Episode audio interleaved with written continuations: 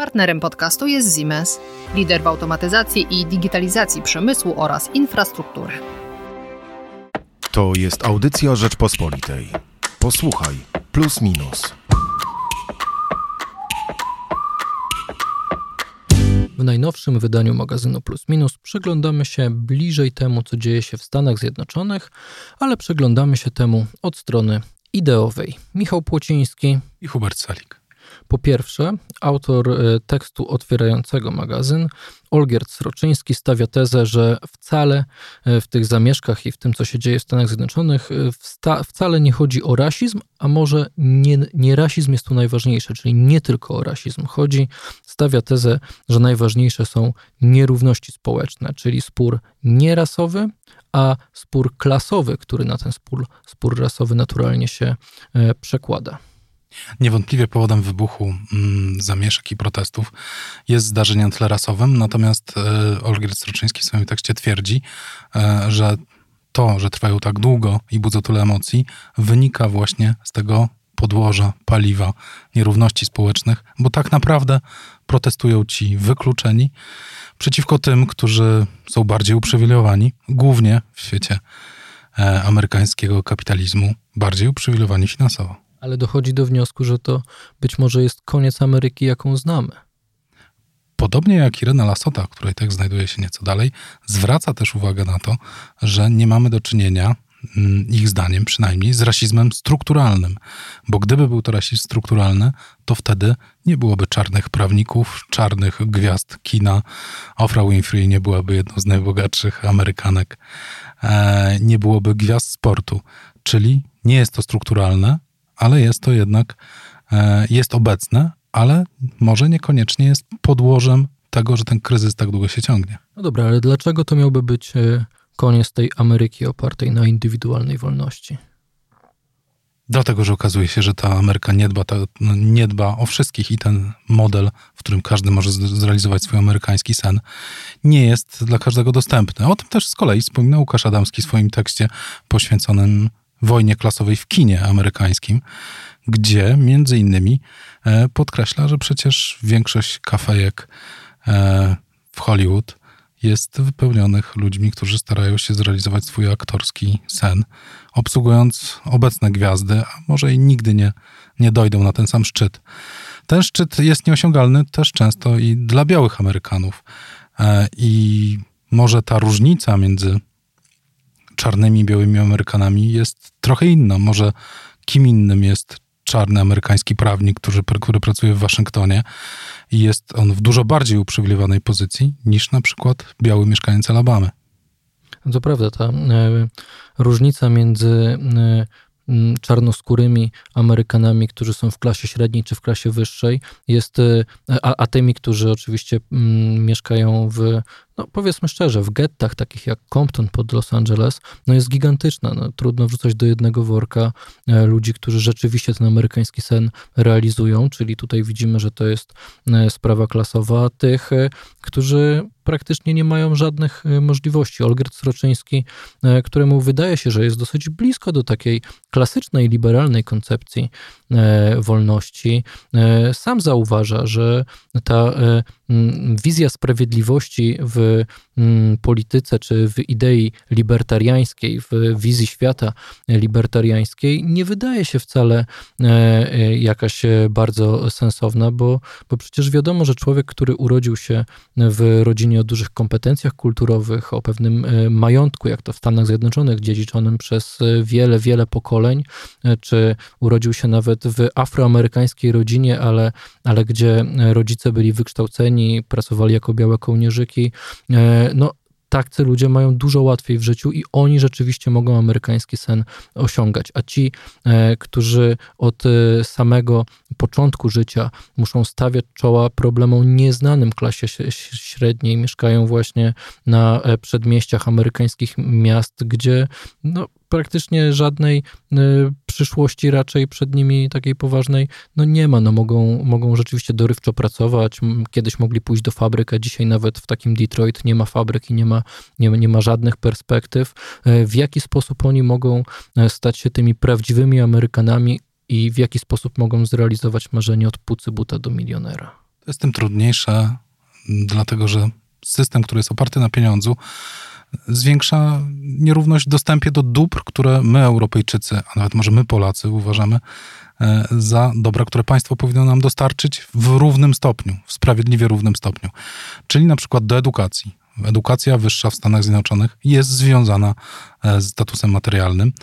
Ostatnie, ostatnia dekada zwłaszcza to, co działo się po kryzysie finansowym, pokazało, że ten system e, też się na tyle zdeformował, że nawet on nie daje gwarancji awansu społecznego, e, dalszego skoku. Czyli nie dość, że potrzebne są pieniądze, to jak gdyby e, coraz trudniej jest e, realizować to marzenie o klasie średniej, nawet mając dyplom jakiejś przyzwoitej amerykańskiej uczelni.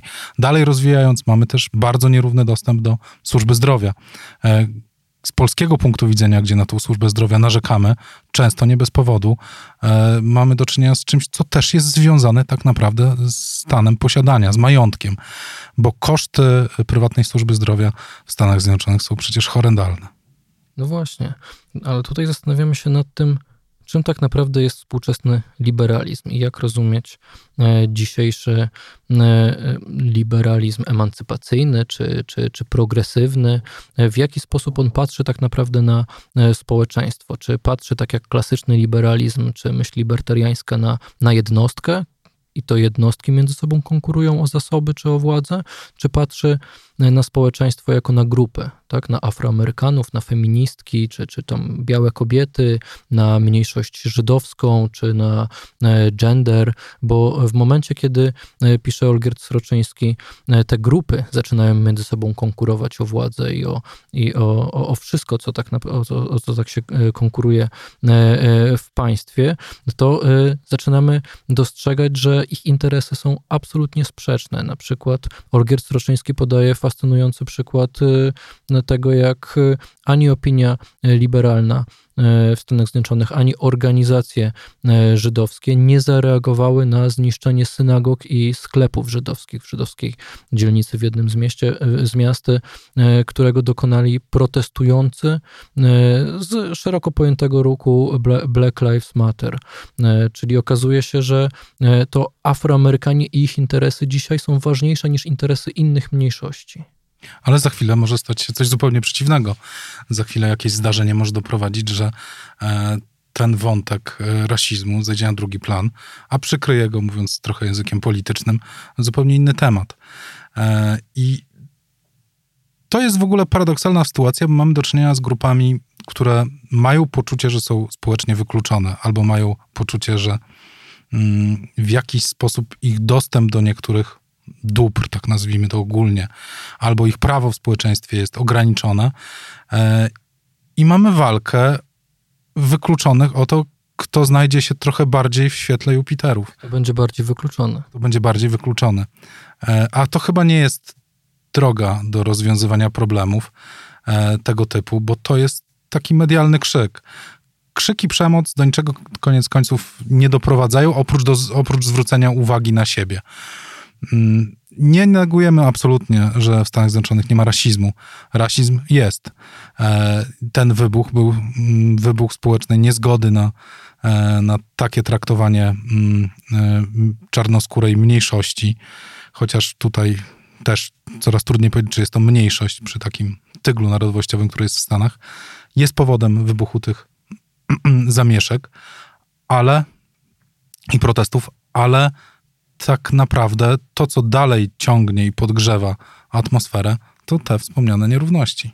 Dlatego bliżej przyglądamy się nierównościom, bliżej przyglądamy się e, tak naprawdę paradoksom współczesnego e, liberalizmu, ale nie tylko, bo w magazynie Plus Minus e, także na przykład znajdą Państwo teksty na temat o którym chyba trochę nie myślimy w trakcie e, pandemii. Mamy swoje problemy, więc problemy e, zwierząt schodzą, schodzą na boczny plan. Tymczasem e, w schroniskach w trakcie pandemii nie dzieje się najlepiej. Po pierwsze, zabrakło, zabrakło wolontariuszy, to jest naturalne, szczególnie jak był ten największy lockdown, ta kwarantanna społeczna, to przecież nie można było jechać pomagać do, do schronisk. A po drugie, Także schroniska gorzej sobie radzą finansowo, bo firmy, które do tej pory je wspierały, e, z jednej strony datkami, z drugiej strony jakimś materialnym wsparciem, na przykład karmą, e, też już oczekują jakiejś fali kryzysowej i to wsparcie zdecydowanie ograniczyły. Czyli równocześnie pojawiły się trzy problemy. Finansowy, taki, że e, zwierzęta, które znajdują się w takiej sytuacji, w tych schroniskach, nie mają kontaktu z ludźmi, nie są tak często wyprowadzane, co jest dla, dla nich i dla ich jakiegoś psychicznego dobrostanu bardzo ważne, gdyż wolontariusze nie mogą w takiej liczbie przybywać do tych placówek. Gorąco Państwa zachęcamy, żeby jednak e, kto ma tyle wrażliwości i czasu, żeby tam się pojawić i wyprowadzić któregoś, któregoś z psów, które są w schronisku, e, żeby to zrobił. E, a po trzecie, no mamy taki kłopot, że ostatnie miesiące spowodowały, że wiele osób pozbywa się swoich pupili. W schroniskach e, to widać najlepiej i tak też opowiadają pracownicy schronisk w tekście, który znajdą Państwo w najbliższym plusie minusie. Zachęcamy do sięgnięcia po nasz magazyn, do zdobycia oczywiście w kioskach i na rp.pl. Michał Płociński i Hubert Salik. To była audycja Rzeczpospolitej. Posłuchaj, plus minus.